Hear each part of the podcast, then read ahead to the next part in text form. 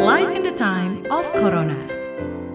Memang hasil penelitian kita menurut pandangan Islam vaksinasi itu tidak membatalkan puasa karena memang tidak dimasukkan ke dalam rongga badan yang terbuka, tidak masuk ke perut dia, hanya dilakukan injeksi melalui otot. Life in the time of Corona.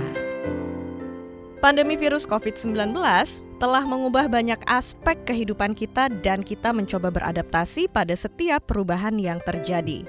Palang Merah Indonesia atau PMI yang didukung oleh IFRC ingin mengedukasi masyarakat bagaimana cara menghadapi masa pandemi COVID-19 dan kiat-kiat ini kami kemas dalam serial diskusi melalui podcast dengan menghadirkan berbagai narasumber yang kompeten di bidangnya. Halo, kamu kembali mendengarkan podcast Live in the Time of Corona. Dan kali ini kita membahas tema apa hukumnya vaksinasi COVID saat puasa Ramadan. Seperti yang kita tahu, ini adalah Ramadan kedua yang kita lalui di tengah pandemi COVID-19. Gimana nih kabar kamu yang puasa? Semoga bisa menjalankan ibadah puasa ini dengan baik ya. Dan memang kita tahu saat ini juga pemerintah sedang gencar melaksanakan vaksinasi COVID-19. Sebagai umat muslim ada juga yang bertanya-tanya nih, gimana sih hukum vaksinasi saat puasa? Apakah vaksinasi bisa membatalkan atau bahkan membuat ibadah puasa jadi tidak sah? Wah, ini pertanyaan yang akan dijawab oleh narasumber kita yang kompeten yaitu Dr. Abdurrahman Dahlan MA, Wakil Sekretaris Komisi Fatwa MUI Pusat. Assalamualaikum, Pak Abdurrahman. Waalaikumsalam warahmatullahi wabarakatuh. Sehat Mbak Ines ya? Sehat ya Pak. Alhamdulillah. Gimana Pak kabarnya puasa lancar ya Pak? Alhamdulillah sangat lancar. Iya. Nah, ini berhubung sekarang kita lagi di tengah bulan Ramadan dan juga ada program vaksinasi yang terus dijalankan oleh pemerintah. Nah, kalau lagi puasa seorang muslim terus mendapat vaksinasi, memang itu bisa membatalkan puasa, Pak? Gimana penjelasannya? Vaksinasi khususnya vaksinasi COVID-19 ya yang sedang dijalankan di saat-saat ini Mhm. tidak membatalkan puasa. Ketentuan ini didasarkan pada fatwa MUI terutama nomor 13 tahun 2021 tentang hukum vaksinasi saat berpuasa. Jadi sudah ada fatwanya yang tertulis Mhm. berkaitan dengan vaksinasi eh, di waktu melaksanakan ibadah puasa. Jadi eh, bagi umat Islam vaksinasi COVID-19 adalah boleh tentu dengan vaksinasi dengan cara injeksi intramuskular ya, Mhm. yaitu disuntikkan dengan cara disuntikkan pada otot ya, tidak ke mulut atau ke hidung dan memang pelaksanaannya seperti itu kan, Ya, jadi melalui otot, tapi dengan catatan sepanjang tidak menyebabkan eh, timbulnya bahaya. Hmm, Sekali lagi iya. boleh ya bagi orang yang berpuasa tidak membatalkan puasa ya kalau vaksinasinya itu dan memang seperti itu dengan cara disuntik injeksi intramuskular yaitu pada otot ya dan biasanya Hmm. di di lengan atas ya Iya. bahu di situ. Nah, Iya, disuntik di tangan sebelah kiri dan ini juga ya, disuntikan ke otot ya, Pak. Bukan iya. dimasukkan ke mulut atau ke hidung, jadi ini Betul. tidak membatalkan puasa. tidak membatalkan puasa. Iya. Catatannya tentu sepanjang tidak menyebabkan bahaya. Mhm. Artinya eh, kalau menyebabkan bahaya, misalnya eh, orang yang mau disuntik itu punya komorbid, ya misalnya ada penyakit penyerta, Mhm. eh, itu tentu tidak boleh akan eh, menemukan bahaya sesuai dengan keterangan ahli dalam bidang eh, vaksinasi ini. Gitu. Oh iya betul. Jadi kalau untuk orang yang sehat dan kondisinya fit, tetap boleh Ya. untuk menj- eh, Boleh. mendapatkan vaksinasi ini. Nah, ini kan orang yang divaksinasi itu juga eh, setiap hari ya. Kalau menurut Bapak, amannya vaksinasi ini dilakukan saat sore menjelang buka puasa atau boleh dilakukan pagi, siang hari? Itu gimana, Pak?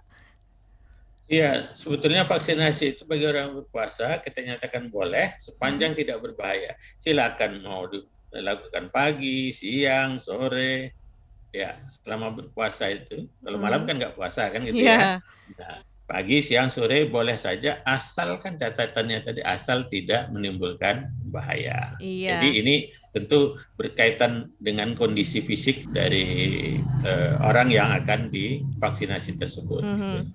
Iya, dan ibadah puasanya pun tetap sah ya. ibadah puasa tetap sah karena seperti yang kita sebut tadi bahwa eh, vaksinasi ini kan injeksi intramuskular melalui Mhm. otot tidak dimasukkan ke dalam rongga mulut atau eh, rongga hidung gitu ya sebagai Mhm. rongga badan yang terbuka gitu Iya. Nah, kalau tes swab saat puasa itu gimana Pak? Kan ada alat yang dimasukkan ke dalam rongga hidung kita. Itu gimana penjelasannya? ya kalau kalau tes swab itu itu kan begini ceritanya Eh, tes swab itu dilakukan dengan eh, apa memasukkan semacam stick ya dengan eh, karbon yang steril ya dengan rayon gitu yang steril masukkan ke apa namanya Ke hidung. belakang hidung Mm-mm. belakang hidung ya istilah apanya nasofaring atau ke mulut juga ya Iya. Nah, tapi tidak sampai ke tenggorokan jadi di balik hidung di belakang hidung ini agak ke dalam gitu dan kalau mulut juga begitu di balik langit-langit Mhm. jadi tidak sampai ke tenggorokan. Dan itu kan bendanya bendanya digunakan untuk eh, apa mendeteksi adanya genetik dalam bentuk virus eh, COVID-19 itu karena tempatnya itu memang habitatnya di saluran pernapasan. Dideteksi melalui belakang hidung ya atau di eh, balik langit-langit kita itu. Tapi tidak sampai ke tenggorokan. Karena itu kalau cuma sampai di situ dan memang sampai di situ saya pribadi berkali-kali mengalami swab test itu Hmm? ya tidak sampai masuk ke tenggorokan maka itu tidak membatalkan eh, puasa gitu. Iya. Nah, juga ini kalau kita membahas tentang puasa ya, Pak. Mungkin Iya. eh, orang yang sehabis divaksin ngerasa badannya lemes atau ngerasa nggak enak badan gitu ya. Nah, ini bagaimana hukumnya jika efek samping dari vaksin ini membuat orang lemas gitu ya, ditambah karena puasa, sehingga mungkin orang mikir "Ah, batal aja kali ya puasanya. Nah, itu gimana, Pak? Iya. Iya. Eh, Sebetulnya saya pribadi dulu ya, Mm-mm. pengalaman nih. Hmm, gimana, Ya, Pak? secara pribadi divaksin itu nggak nggak ada apa-apa itu. Jadi beberapa teman yang di, divaksin itu setelah divaksin itu kadang-kadang ada yang bilang lemas dan lain-lain. Mm-mm. Tapi setelah di apa diobservasi sebetulnya nggak ada apa-apa. Jadi pengaruh mental saja. Hmm, Nah, itu itu sebagian besar begitu ya. hmm. Merasa lemas apa itu semacam gejolak mental saja. Iya, atau ngerasa lapar mungkin habis divaksin. Iya. Dan ti- tidak mungkin kan? Iya. Tidak mungkin eh, lapar mendadak karena divaksin tidak karena Iya. vaksin itu justru cuma memasukkan sedikit sekali beberapa eh, cairan apa itu vaksin itu ke dalam tubuh melalui otot tidak berpengaruh kepada eh, perut. Tapi kalau memang ada eh, tidak kita tutup kemungkinannya kalau memang ada pengaruh misalnya menjadi lemas sepanjang lemasnya itu lemas yang wajar saja ya Mm-mm. maka ya tetap harus berpuasa Iya. Baru boleh tidak puasa dibatalkan puasanya gitu. Kalau eh, menimbulkan bahaya menimbulkan darurat. Kalau menimbulkan sakit. Jadi orang puasa itu boleh tidak puasa kalau dia itu dalam keadaan sakit. Tapi bukan sakit, sakit panu bukan sakit Iya. gatal-gatal ya. Iya, iya, iya. sakit yang membuat dia kesulitan berpuasa. Nah, sama dengan ini, lemas itu. Kalau lemas atau pusing gitu. Mm-mm. Tapi kalau pusing, lemas dan yang wajar saja, Mm-mm. itu tidak boleh membatalkan puasa. Ya. Tapi kalau sampai eh, dibiarkan tetap berpuasa akan menimbulkan bahaya, efek ya yang lebih luas gitu. Tentu eh, bahkan diminta supaya membatalkan puasa Mhm. pengalaman kita, mereka yang divaksin itu begitu divaksin itu tidak boleh langsung meninggalkan apa arena vaksin kan? Dia harus eh, berada di arena itu untuk diobservasi dulu. Iya. Eh, Rata-rata kan setengah jam diobservasi, dipantau apa ada gejala atau enggak. Kalau enggak ada, baru boleh pulang. Nah, begitu. Jadi kalau lemas itu belakang-belakangan dan sekedar lemas-lemas biasa saja ya tidaklah ya sayanglah puasa kita hmm. hanya karena uh, alasan lemas-lemas sedikit oh, memang orang puasa kan lemas. Iya. Ya jadi jadi ini soal mental yang lebih banyak tapi tidak apa-apa. Kalau memang betul uh, lemas beneran dalam arti membahayakan tentu tidak boleh dilanjutkan puasanya malah. Ya, iya. Ya, karena itu akan menimbulkan bahaya. Maka di, diminta supaya membatalkan puasanya, lalu diambil tindakan misalnya minum dan memberikan tindakan medis gitu mm-hmm. dan lain-lain gitu. Iya. Terus sekali lagi kalau sekedar saja ya tentu sayanglah dan tidak boleh dibatalkan puasa dengan alasan yang tidak cukup untuk menggambarkan kesulitan dalam melaksanakan ibadah puasa gitu. Iya, dan masyarakat pun nggak perlu ragu ya Pak jika divaksin di bulan Ramadan ini ya. Iya, jelas. E, pertama vaksin itu kan yang terutama yang kita di Indonesia ini semua vaksin yang yang dilakukan itu vaksinasi itu kan dengan vaksin yang aman, mm-hmm. ya, yang aman. E, indikator aman apa? Ada rekomendasi e, boleh dilaksanakan oleh Eh, Badan POM. Iya. Ya, kalau Badan POM bilang aman, itu tanggung jawab keahlian profesi dari tugas pokok dari Badan POM itu antara lain itu eh, menjamin keamanan obat. Hmm. Obat atau vaksin yang tidak aman tidak boleh beredar dan akan ditindak kalau ada vaksin seperti itu. Sejauh ini kan vaksin yang beredar itu ada Sinovac, hmm. eh, ada AstraZeneca, ya sebentar lagi mungkin ada macam-macam hmm. yang akan masuk ke kita. Sejauh ini eh, itu semuanya dinyatakan aman. Selama dinyatakan aman oleh Badan POM maka itu aman. Kecuali bagi mereka yang punya apa tadi komorbid tadi memang uh, itu disyaratkan bolehnya vaksinasi itu kalau tidak memiliki penyakit penyerta yang akan memperparah orang yang sakit itu. Gitu. Iya. Nah selain dijamin keamanannya oleh BPOM, oleh MUI juga sudah menjamin kalau vaksin COVID-19 ini halal ya Pak ya untuk diberikan bagi Muslim. Nah, kalau soal halalnya itu ada ada ada beda ya. Iya. Vaksin yang dinyatakan halal itu setelah diaudit vaksinnya, proses uh, apanya pembuatannya, pengirimannya, penempatannya, penggunaannya dan lain-lain betul-betul tidak ada bersinggungan dengan babi, baik proses produksinya, apalagi kalau ada kandungannya.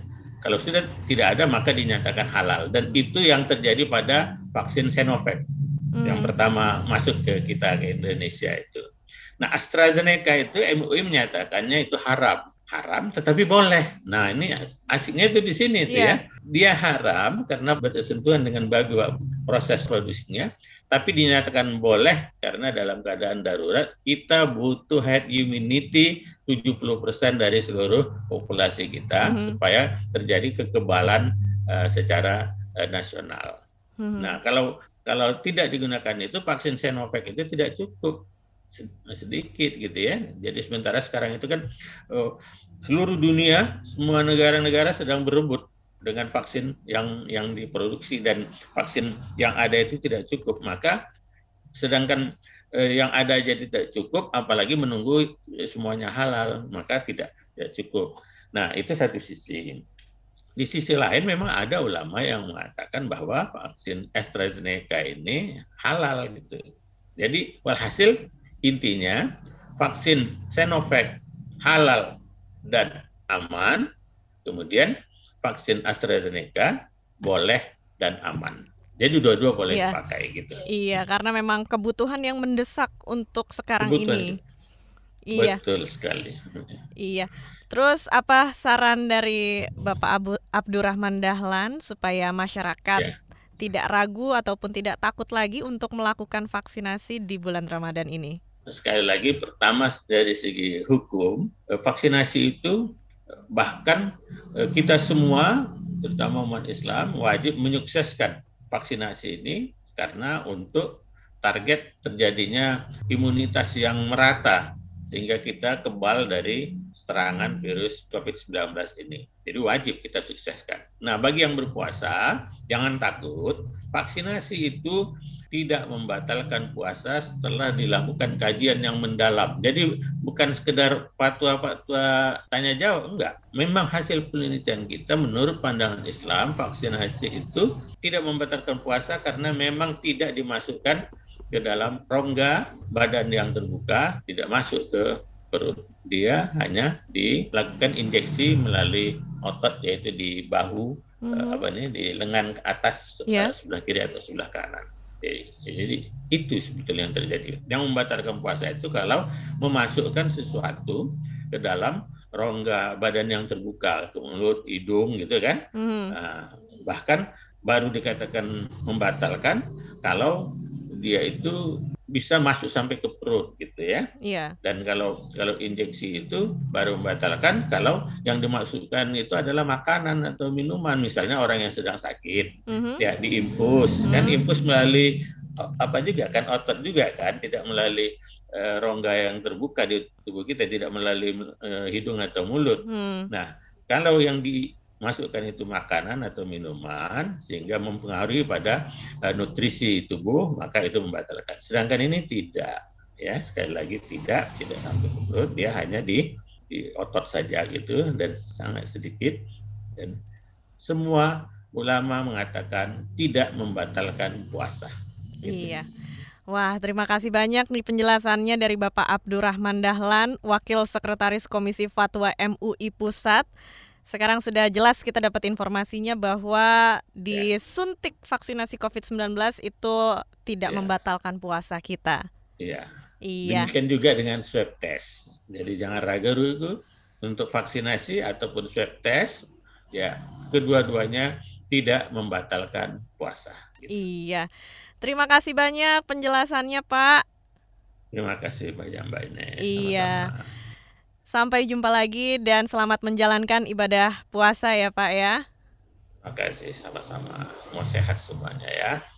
Amin. Assalamualaikum warahmatullahi wabarakatuh. Waalaikumsalam warahmatullahi wabarakatuh. Terima kasih sudah mendengarkan podcast Live in the Time of Corona. Untuk ide dan masukan silahkan email ke podcast at kbrprime.id dan tulis di bagian subjek podcast Corona.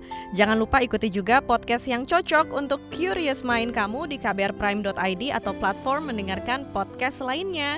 Dan sampai jumpa di episode selanjutnya. Live in the Time of Corona.